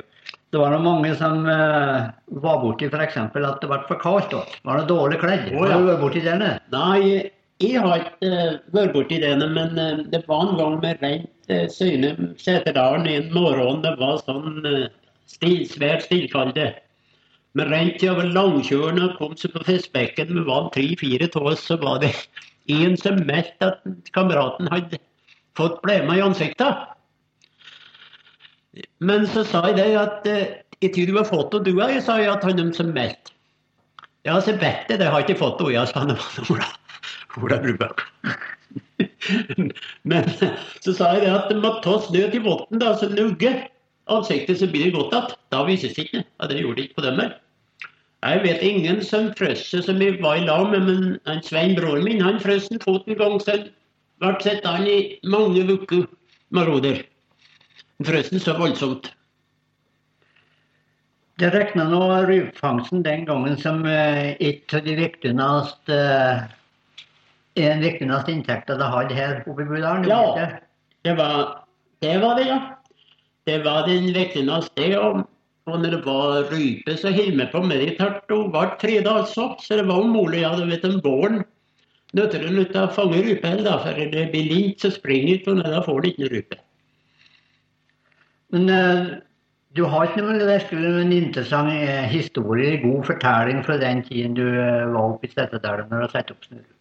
Var det mye sammen med eh, Jon Svendsen, onkelen din? Å ja da. Det var med ikke på rypangst, men på jakt var jeg med. Men uh, du vet i minnesen Lars Larsen Moen. Jo da, Lars Larsen Moen minnes jeg. Han driver rypefangst og så jakt. Det er mange gamle her som helst i de at når du snakker om en virkelig stor jeger, så er det Da trekker de frem en Lars Larsen Moen. De påstår det at er de aller fleste at de har ikke hatt noen hadde hatt smake altså som jakt- og fangstmann. Det var en meget raffinert jeger. Raffinert skytter. Han Sivert Moe fortalte en gang han førte dem opp gjennom fjellet, så sprang det opp en hare. Og så krøp han frem geværet Larsen og ville skyte den, men så tok han geværet kjøper hun Sivert sa han en venda seg. Bare fyr vekk, Lars, sa han. Så skjøt han, men høren datt, sa han Sivert Moe. Ja, du minnes den Lars Larsen Moen, du? Ja, minnesen vel. Du husker den tida han bodde i Moen, Jo da. og der besøkte hun. Ja, der besøkte han, og, og sist morgenen, sist morgenen var i Moen. Da var jeg nordover igjen, han far og to år siden. For han hadde tre unger. Den rest hadde med seg til Amerika. En heter Lars og en Erik. Og så var det en jentunge som heter Siri. Han eh, hadde hatt basar på effektene. Er litt aksjon, altså. Han, eh, Sivert Moe var det vel som ordna med de at han skulle få en basar for å ha i tilstelning da, til avskjed. Og da eh, fikk han nummer og, og en uh, avvenda på basar alt han hadde. Ned som han ble til skia hans når vi kom nordover om morgenen, at de fikk dem en par tonn skia. Da avgikk han til Amerika. Du eh, opplevde ikke å være sammen med dem i skoen, Mars noen gang? Nei, du vet, jeg var for ung til det. Jeg da, men den Jon Svendsen vet du var mye la med dem både på jakt og de eh, kunne være litt emse da de eh, akkederte når han drev noe litt fannsterk hvor hverandre da, så mye som de kunne få til. Det var nå en gang de gikk sky en mandagsmorgen, en Jon Svendsen og Larsen. Da skulle de være skyder for Larsen. Han eh, hadde proviant for tre dager bestandig den resten. Det var ikke så godt det bør noe mye mer heller, så. Han, John Jon Svendsen han eh, gikk nå på Sili, han Larsen på Sili da de gikk i vei om morgenen. Og han, eh, Larsen han kom ned igjen mandagskvelden, hadde ikke skutt øye. Han Jon Svendsen hadde skutt inn eh, sju-åtte ryper som kjøttet gikk bra. Det var mandagen. Tirsdagen da skulle de i hvert likens. De førtes ikke åt oppi kjela. Han Larsen han kom ned igjen tirsdagen og ikke hadde skutt inn òg. Han Jon Svendsen hadde skutt inn øverst, som syntes det gikk bra. Onsdagen var han også i vei. Da kom en Larsen ned at han hadde ikke skutt over. Han Jon Svendsen han hadde skutt innover. Men da var han som eh, fallkuren John Svendsen. Eh, Han eh, Larsen sa John Svendsen. Ja, da tykte han det var galt for ham, men Jon hadde gitt ordna litt mat til dem, han da som fikk prøve torsdagen. Da kom han ned med 25, Lars Larsen Moen. Torsdagskveld. Hadde skutt i lagre han da? Ja, det hadde han muligens.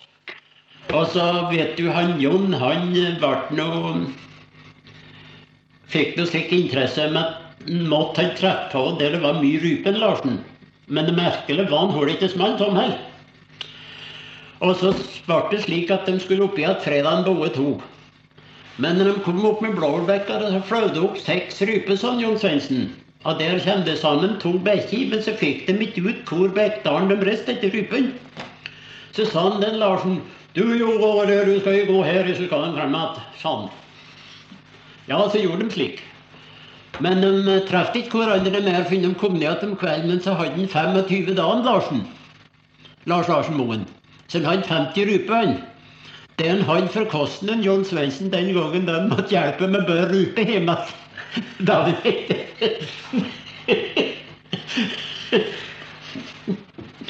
Slik drev de nå og kankes med hverandre, de to karene. Enskjønt de var mye sammen.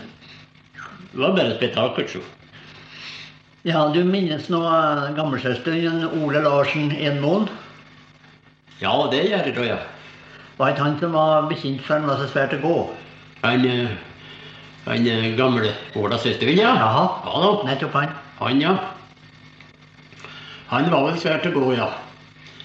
Han eh, Anders, gamle Anders Skjelmo, ja. Han Aumo, og han var militær. Han eh, for og førte en fyr seg på fjellet her og gikk og sov på sånn line i en seierstid. Han eh, var så svært å gå, og Anders han var med ham som kjentmann. Men så var det en sommeren han fikk brev fra ham at da kom han, og da måtte han være med ham. Men så kunne ikke han reise den sommeren. Men han skulle tegne en som var bra til å gå i stedet sin. Ja, det ble en gamle Ola Søstuen. Ja, ja. De reiste til og for og gikk over høyden over i den liden da, der de satte opp det merket. Og så spurte de da om hvordan tykte de kjent med han da når de slutta. Han var helt ut umulig, han rent hver eller en hund bortover høytene, sa han. Så han hadde truffet på en som var svært å gå i. Og det skulle være Ole innpå der. Gamle Enmoen. Men attende at Snurrum, ja. Hva er det for slags strekning sørover i Gjendalen som du regner for det fineste terrenget for å ta rype? Ja. Den gangen da du var ung. Ja, det var bare sørover med Storvollan fremme sommervei, og der var det noe enestående kjekt. Altså sørover ifra Hiavoll, sørover med Hytvoll da. Og likeens Likjendalen. Men på Lykkjendal var ikke det mange ganger. Det var noen andre karer som drev altså på der. Hvor loserte da når du var der? Losert på Setervolla deres plasser på Hyevolum. Og der var det noen mange? Ja, det var som regel vi og plasskarene der bare. Det var noen Innøykarene de loserte på Nordlystevoll. Jaha. Men eh, det kunne jo være litt moro å leve noen kvelder? Å ja da, vi treffes om kveldene, forresten. Vi var omhyggelige. Vi var aldri ute av hogget ved før rypa et spett fra oss om kveldene. Forsiktighetshensyn? Ja, forsiktighetshensyn, ja, for vi var rype tett innpå vollen. Jaha. Og når hun et spett fra seg, så var det rolig. Da var vi ute og rådde til bjørkved. Det var råbjørk. Det var bør på aksel, det, og Håsund til neste dag. Og morgenen var mannen rolig inntatt. det ble aldri lyst. Rypa hadde spilt fra seg. Men det rypefangstene, de det er to der, da. De bruker det nå å bade på ryggen bare til dags? Ja, Det var ikke tale om å kjøre eller dra? Nei, det var sjelden det var en vei sørover der og det ville leve på vinteren. det. Som regel ute i mars og der de kjøl høya, da var det for sent å fange rype. Ble for mye lyst. Bruker en gammeldags bakmet. Av bare tider var det skreppe. Ja, det er skreppe, det er gammeldags gammeldags lerskreppe. Det, Men eh, fikk nå ikke noe stort nivå. nei, hengt utapå. Det som ikke gikk slik. Kunne det være mange da i, i gangen? Ja, jeg vet ikke riktig det, eller det var noe forskjellig. Det er bare det sånn gang som slet vondt hjemme da, naturligvis. Det Man fanga mye rype, så gikk ut på det. Men det var bra følelse, vet du. Det gikk bra. Så var med seg en gang det var styggvær i en fair plass. det var kameraten min. Vi skulle sy julearken, altså se om snurren. Og så var det stri vind med regnsky.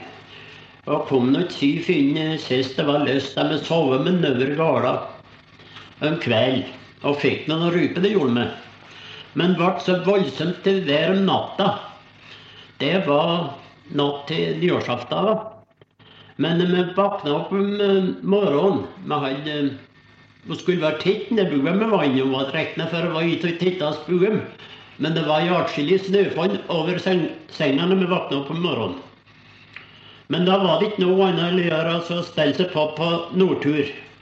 For det var så stri vind, det var ikke tale om å vende ansiktet imot dem. Det var altså vind fra sø. Det var vind fra sør. Og bare å slippe seg unna været. Bare sluppet seg unna været. Vi kunne ikke se med eneste sture den morgenen. Så stygt vær var det. Du har ikke vært med på snurrefangst eh, i andre dagen i Budalsdalen noen gang? Nei, ikke nevneverdig det. Det var en vinter jeg hadde oppover eh, sørover eh, med Bovål. Da var det mye rype. Det var sammenkommet mye fjellrype og skogrype. Men det var terra fått til snurre. Som gang for opp Det var med skarv, da reiste de opp i fjellet. For bare opp i snøe fjella. Det var ikke 1927. Ja, det var muligens det var det. Det var sånne forhold da. Ja. Men eh, jeg på skutt nå, da. Jeg hadde med meg gevær på sluttet. Skutt. Jeg skutt eh, borti en svær sverm en gang, gutt. Det var så stri vind, og jeg så ikke tatt noe. Men så gikk jeg i den trekken som vinden var. Men jeg fant en tre-fire. Det kunne godt hende det datt flere. Skutt i hopen. Han, eh, Du nevnte en bestefar din. Det var nå en som drev snurrefangst, selvfølgelig. Har gjort hele sitt tid. Det har han muligens gjort. Det var det i hvert fall fangstlyst. Det har jeg tenkt mer og mer om. Nå vet du, han eh, var oppvokst inn på Storbedal og var nå der. Og han gikk på kjøl høyt i seteren. Og den tida var det mye hvitrøv. Han fanga seks eller sju hvitrøver på ei gampu som en søsterøya på ei uke attåt en kjøl høy. Ikke var det skatt penger for hvitrøven, og heller ikke noe å få forsvinne. Men det vistes, jeg har tenkt over det, det var fangstlyst til kalla. Når en skulle skure slik. Å ta hvitrøv var ikke noe å få før. Men det var rødfanger. Det Var rødfanger, ja. Rødrev tok mye. Jeg har snakket snakk om det. Ah, er det noe flere kjente rødfangere som eh, du kan minnes? Ja, han Jon Svendsen tok hans som er. Altså, bror hans bestefaren Per Moen, han tok mye rød. I saks. Var det på Dunge, var det til vers? vest? Han eh, bestefar vet jeg aldri hadde til vers. Men Per, Brorin, han tror jeg hadde til vers noen vintre. For han var nokså pene veslig ute i jåla der. Og så kan jeg også nevne at en bestefar hadde snudd i gruppe i sin tid. Og den gruppa tok til i Hørøsnuru Meiretkjerringa på Eløsplasser. Men hvordan kunne det gå for seg? Jo, det kan en beundre, men det var en hørevei utover at Buabakken der, og der var det en hovå. Og hørren hadde veien gjennom hovåen. Gaupa hadde sprunget etter hørren ut gjennom veien, og Harald var vel kjent med snurren som sto uti der før. Han hadde smettet forbi. Og på, han sa at snurren hadde kommet til. Han sa at hun begynte å kaste seg over hovåen, og så hadde hun hentet opp seg. Gaupa har ikke sittet der, hadde vært på det og fått tak til bitte og Snurru. Men de hadde hun gått til. Det var altså bestefar din som fikk det nære snu? Det var en bestefar som fikk den der å snu. Det var kun ene gaupa han hadde snudd i sin tid. Men kanskje flere hundre røver. Ja, nå har vi fått en Jon Dahl til å fortelle oss atskillig her fra sine opplevelser i, eh, i Snurreskoga. Og eh, vil si om så mange takk for det han har fortalt. Det var mye interessant, og mye lærerikt. Jeg sier Jon mange takk.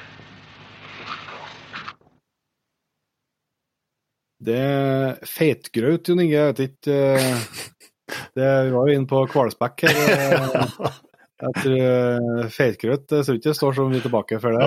Mjøl og, og reinfeit. Ja, dæken ta. Da skulle bedre vært på hælene da, hvis jeg skulle sette i meg det, tror jeg. Det tror jeg, det tror jeg er mat som tar. Ja, det tror jeg det ber fram helsinga. Nei. Det var artig. En, eh, Ole Larsen som vi omtaler der jeg synes eh, det er Ofte når du hører om historien historier til gammelt tilbake, så blir det jo litt sånn eh, nostalgisk og sånn, men det er jo ikke alt som var like før. For han var jo helt overbevist om at han ikke bør treffe damer når han skulle på jakt. Nei. Da var det ikke ikke noe sjanse. Det er litt stikk motsatt. Nå er jeg litt opptatt Litt, litt sjargong òg, men eh, nå er det blitt litt som med fiskinga at det må alltid prøve med å ha godt hold før en drar på jakt. Ja, det er det for seg.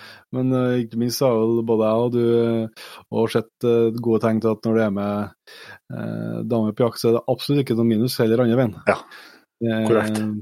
Det blir, jakta blir ikke noe, blir vel heller bedre. Så, men eh, de hadde jo fine turer, han Larsen og Svendsen der, da, der Mm. han eh, Larsen drev og gjemte bort uh, Han skjøt aldri rypene. Og så Hvis han hadde skutt i 50 nå, han at han fikk betalt for at han spanderte middag på det å få være med og bære noen ryper hans.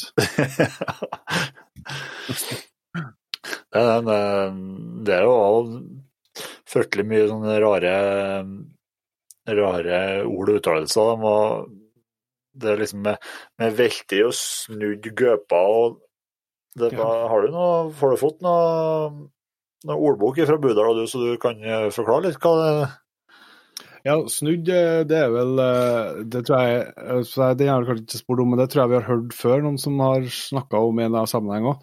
Men det tror jeg altså Det er jo at du har For meg forstått så er at du har flådd. Ja.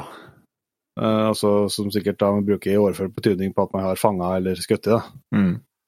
Um, for det, Jeg kjenner ikke på hvem vi snakka med tidligere, om iPoden, nei, men det var noen andre som, som jeg tror brukte det uttrykket. Ja, ja. Men uh, velje, eller velte, eller hva var, det har jeg fått, eh, det har jeg faktisk uh, fått forklaring på. og Det kunne man kanskje ha tenkt seg til fra konteksten. da. Um, men um, men eh, det går på at de uh, lagra deg så i en oppgom med en bekk. Ja. Um, sånn at de, eh, at det ikke surna, lavere temperatur. Mm. Og det var fangstlyst kaller det. Ja. Ja, det var det, ja. Ja. Nei, så Jeg håper jo at uh, du som har vært med helt uh, hit, uh, har kosa deg like mye med eh, opptakene her som vi har gjort, og jeg skal høre det flere ganger, det er helt garantert. Og så vil jeg passe på å si tusen hjertelig takk til en, Erik som har gitt oss tilgang på å få lov til å, å lov til å dele det med deg som har hørt det nå. Mm. Det setter vi kjempestor pris på. Utrolig artig.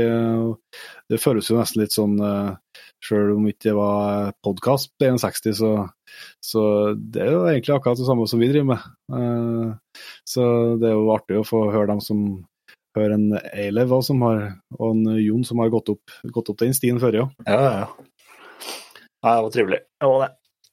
Og skal jeg jo slenge på at hvis det er noen som enten vet om eller har eh, lignende opptak fra andre jegere andre plasser i landet, så si noe veldig gjerne ifra. Eh, enten hvis vi har mulighet til å dele det, så gjør vi eh, veldig gjerne det. Men hvis du bare ikke, du ikke ønsker det, så ønsker vi veldig gjerne å få, å få høre. Det er utrolig Vi føler at vi blir sett litt Eh, det, Jeg har jo lest mye gamle bøker og sånt, og mm, gamle jegere og fangstmenn, og det jo, setter jo liksom i stemning, men det er, helt, det er noe annet få høre det da, vet du. Det får liksom bli mer tidsreise. Ja, og så er det når, når, du får høre, når du får høre dem prate om deg sjøl, og så når det er dem sjøl ja. som prater om det på et vis, så at det ikke ja. er forfatta, det jeg, jeg, Nå er ikke jeg noen lesehest, da, men eh, jeg setter mer pris på å få høre, ja. Ja, det er skikkelig artig, var Så det håper jeg at uh, du som har vært med helt hit og syns vi skal begynne å bu oss på ny jakthelg ved å ta imot noen heldige patriens som skal Forhåpentligvis heldige, i hvert fall. fortelle oss det se, kanskje.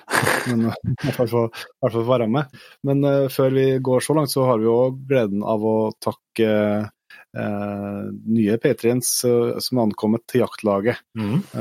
Det er en lang og god liste i, i denne uka her òg, så vi starter på toppen og sier tusen takk til en Joar Lund. Marius Lier. Kjell Olav Granstad. Eskil Herfindal. Ole Jonny Brakvassmo. Morten Valstad. Rasmus Løberg. Kristoffer Johnsen. Vilma. Simen Østeberg. Janne Kristine Frellumstad Gustavsen. Kai Gjøran Mæland. Børre Barknes. Jon Hallem. Andreas. Eline Bryn. Trond J. Kroken. Tor Roald Linseth. Øyvind Lindheim. Bjørn Arve Bakken. Henrik Berger Leirtun. Joar Søhol, se der. Jon Christian Munkeby. Håkon Vestkje Hove. Sondre Solheim. Sondre Glastad. Henrik Løland. Kasper Larsen. Hilde Vågan. Tom Reinert Johansen. Harriet Linseth. Odd Harald Nygaard. Robin Isaksen. Kenneth Haugere. Eirik Bremseth. Frode Lund Ingstad. André Vik. Og Asle Tømmerstrand. Tusen hjertelig takk til alle dere, og selvsagt til alle som vi allerede har takka av. Vi har jo lest opp over 2000 navn. Jeg skal akkurat si det. Vi er ikke lei til å lese opp navn, så det Det er helt fantastisk. Tusen hjertelig takk til dere. Veldig stor pris på det her. Yes, vi gjør det. Og sjekk nå gjerne ut jegerbonden.no. Der finner du alle episoder og nettbutikk full av julegaver og hva det skulle være. Mm. Og så ser vi som vi bruker til neste gang. Vi høres.